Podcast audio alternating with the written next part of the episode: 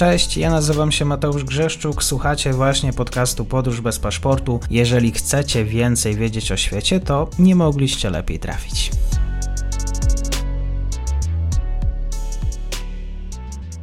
Partnerem odcinka jest Oanda, TMS Brokers, dom maklerski obecny na rynku już od ponad 20 lat. W opisie odcinka znajdziecie link do aplikacji, której możecie otworzyć konto maklerskie i grać na giełdzie, a wcześniej potrenować na koncie demonstracyjnym. Jeżeli otworzycie konto za pośrednictwem tego linku, dostaniecie na start książkę o tematyce inwestycyjnej. Zapraszam, Mateusz. Dzień dobry Państwu, dzień dobry wszystkim słuchaczom. Dzisiaj jesteśmy w Azji Środkowej, rozmawiamy o Uzbekistanie, o którym już kilka audycji się pojawiło. Dzień dobry, kłaniam się. E, witam Cię serdecznie, Mateuszu. Witam serdecznie naszych słuchaczy. Chyba nie jesteś zaskoczony wynikiem wyborów prezydenckich? Nie, myślę, że ja nie jestem zaskoczony.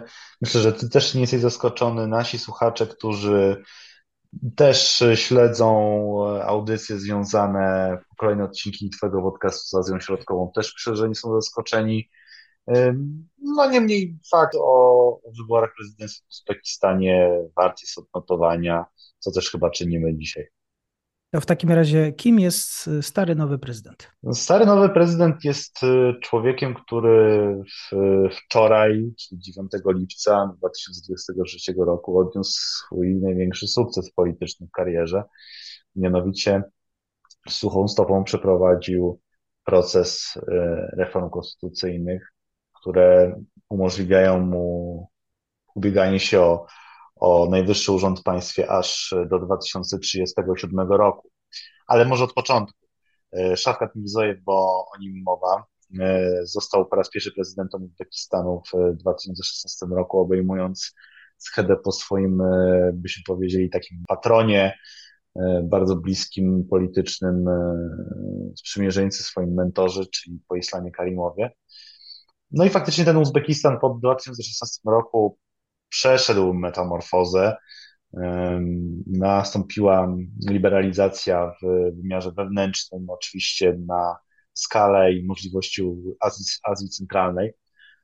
Nastąpiła dosyć spora, nastąpiło dosyć spore otwarcie, jeśli chodzi o, e, o relacje z, z partnerami w Azji Środkowej, co jest chyba najistotniejszym wymiarem e, dotychczasowych siedmioletnich rządów Szafkata Mirzejewa. Zmienił się też wizerunek tego kraju na zewnątrz. Wydaje mi się, że Uzbekistan stał się bardziej takim globalnym państwem, przyciągającym większej ilości biznes, e, czego chyba też przykładem jest e, Samarkanda, która stała się naprawdę perłą turystyczną e, Uzbekistanu. Natomiast sam Szawkat Mirzojew po pierwszej, pierwszej pięcioletniej kadencji w 2021 roku odnowił swój mandat, wygrywając wybory prezydenckie. Natomiast tuż po nich zapowiedział reformy konstytucyjne, które, o których zwieńczeniu rozmawiamy dzisiaj, czyli zmieniono około 60-65% konstytucji, napisano ją w większości od nowa, natomiast to, co jest najistotniejsze, no to jest y, zmiana, jeśli chodzi o kadencję prezydencką, wydłużono ją z 5 do 7 lat. Sąd Konstytucyjny w Uzbekistanie na przełomie 21-22 roku orzekł, że obecny prezydent może ubiegać się ponownie o, o urząd, no bo żeby zachować równość szans i wobec wszystkich obywateli równość, no to on też mógł, powinien móc, ubiega, móc ubiegać się o urząd jeszcze raz. Więc w 2023 roku te wybory prezydenckie mm, odbyły się ponownie. Mm, ta druga kadencja Mirzajewa trwała tylko dwa lata, mm, przyspieszono ją, no i e, kiedy zostanie ponownie zaprzysiężony na prezydenta Uzbekistanu, rozpocznie nową siedmioletnią kadencję. Wydawało się przez pewien moment, jeśli chodzi o te e, e, procesy reform konstytucyjnych, że być może nie Mirzojew, ale ktoś z jego otoczenia będzie starać się kontynuować ciągłość władzy w Uzbekistanie. Przez pewien moment gdzieś pojawiały się spekulacje o tym, że Sajdan Mizojewa, córka prezydenta Uzbekistanu, która e, co, co i rusz rośnie w, w hierarchii władzy, być może będzie tym naturalnym następcą e, Szafkata Mizojewa. Tak się nie stało. E, niemniej no, Szafkat Midzojew wciąż cieszy się bardzo dużą popularnością. Wynik no, ponad 80% jednak odzwierciedla fakt, że prezydent pomimo tej, tej byśmy powiedzieli może nie, nie nadzwyczajnej, jeśli chodzi o Azję Centralną, frekwencję wyborczą, no jednak odniósł, jednak odniósł spory sukces, bo 87% przy 80% frek, 80% frekwencji to jest jednak spory, spory sukces. Tak jak wspomniałem, teraz do 2037 roku e, Szafkat Midzajew może wdrażać w życie to, o, o czym e, wspominał po 2021 roku, czyli e, wdrażać w życie koncepcję nowego Uzbekistanu. Czyli dokręcał śrubę przez lata, czy, czy raczej y, nie, to nie, inaczej nie była kontynuacja swojego poprzednika. Dobrze rozumiemy. Trochę tutaj kilka reform politycznych, gospodarczych było, aczkolwiek no, czy to były demokratyczne wybory?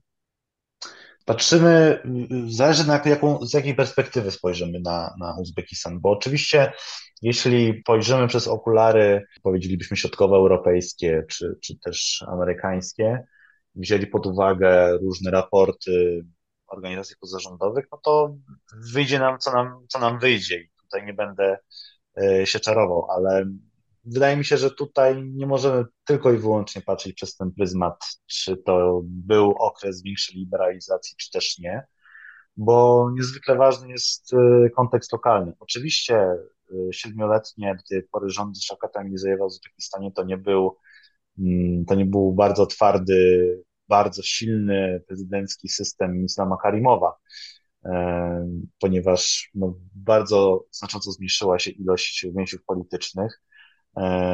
Skończyła się niewolnicza niemalże praca na mm, polach bawełny. E, I takich elementów, byśmy powiedzieli, liberalizujących możemy wskazać jeszcze kilka.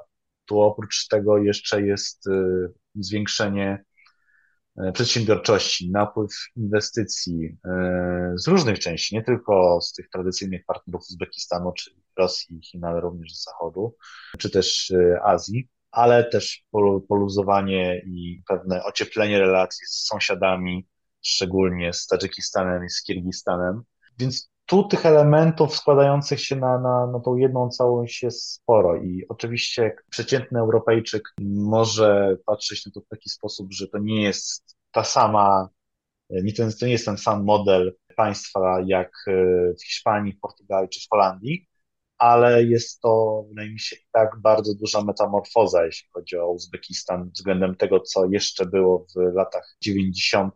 Tutaj też trzeba wspomnieć o tym, że akurat siedmiu, pierwsze siedmiolecie rządów Midzejewa przypadły na dwa, trzy bardzo trudne y, elementy i takie zbiegi historii. Pierwszy no to była y, sąsiedni Afganistan i ewakuacja rządu współpracującego jednak z Zachodem, y, ewakuacja Amerykanów i bardzo prawdo, duże prawdopodobieństwo przez pewien moment rozlania się walk wewnętrznych w Afganistanie, napływu migrantów, y, uchodźców z Afganistanu, również do Azji Centralnej, czy do sąsiedniego Uzbekistanu. To było bardzo poważne zagrożenie przez pewien okres czasu. E, drugim zagrożeniem i takim zbiegiem historii, który trafił się Międzyzajewowi, no to była pandemia, z którą nikt nie potrafił, e, nikt nie wiedział, jak się mierzyć, a jednak słabe, słabe bądź co bądź jeszcze gospodarki Azji Centralnej no są dużo, dużo większym debecie, jeśli chodzi o możliwości radzenia sobie z, z, takim, z takim wyzwaniem niż e, wykształcone, wysoko rozwinięte gospodarcze, technologicznie państwa Europy na przykład zachodniej czy, czy Europy Środkowej, tak jak my. No i trzecia kwestia, no to mm, to, co się dzieje od 22 lutego 2022 roku, czyli podobna agresja rosyjska na Ukrainie i jej skutki e, polityczno-gospodarcze dotykające również Uzbekistan i całą Azję Centralną. Czyli jeżeli nałożymy tych kilka elementów, o których wspomniałem, to wyłania się z nich e, dosyć trudny jednak okres e, siedmioletniego sprawowania władzy przez Mirzajewa i powiedziałbym, że sprawnego administrowania tym, e, tymi kryzysowymi momentami przy wdrażaniu e, oczywiście pewnych reform, które bądź co bądź są odnotowywane przez Unię Europejską, przez e, OBWE, no bo też e, nie zapominajmy o tym, że zachodni politycy, przedstawiciele, dyplomaci jednak w Uzbekistanie są obecni, rozmawiają, wysyłają swoich obserwatorów, spotykają się z Mizojewem czy, czy z, z, z przedstawicielami rządu Uzbekistanu. Też wydaje mi się to, co umyka w tym sensie od tego 22 lutego, na co mało się zwraca uwagę, to fakt, że wciąż tacy oficjele z takich państw jak Uzbekistan, Tadżykistan czy Kirgistan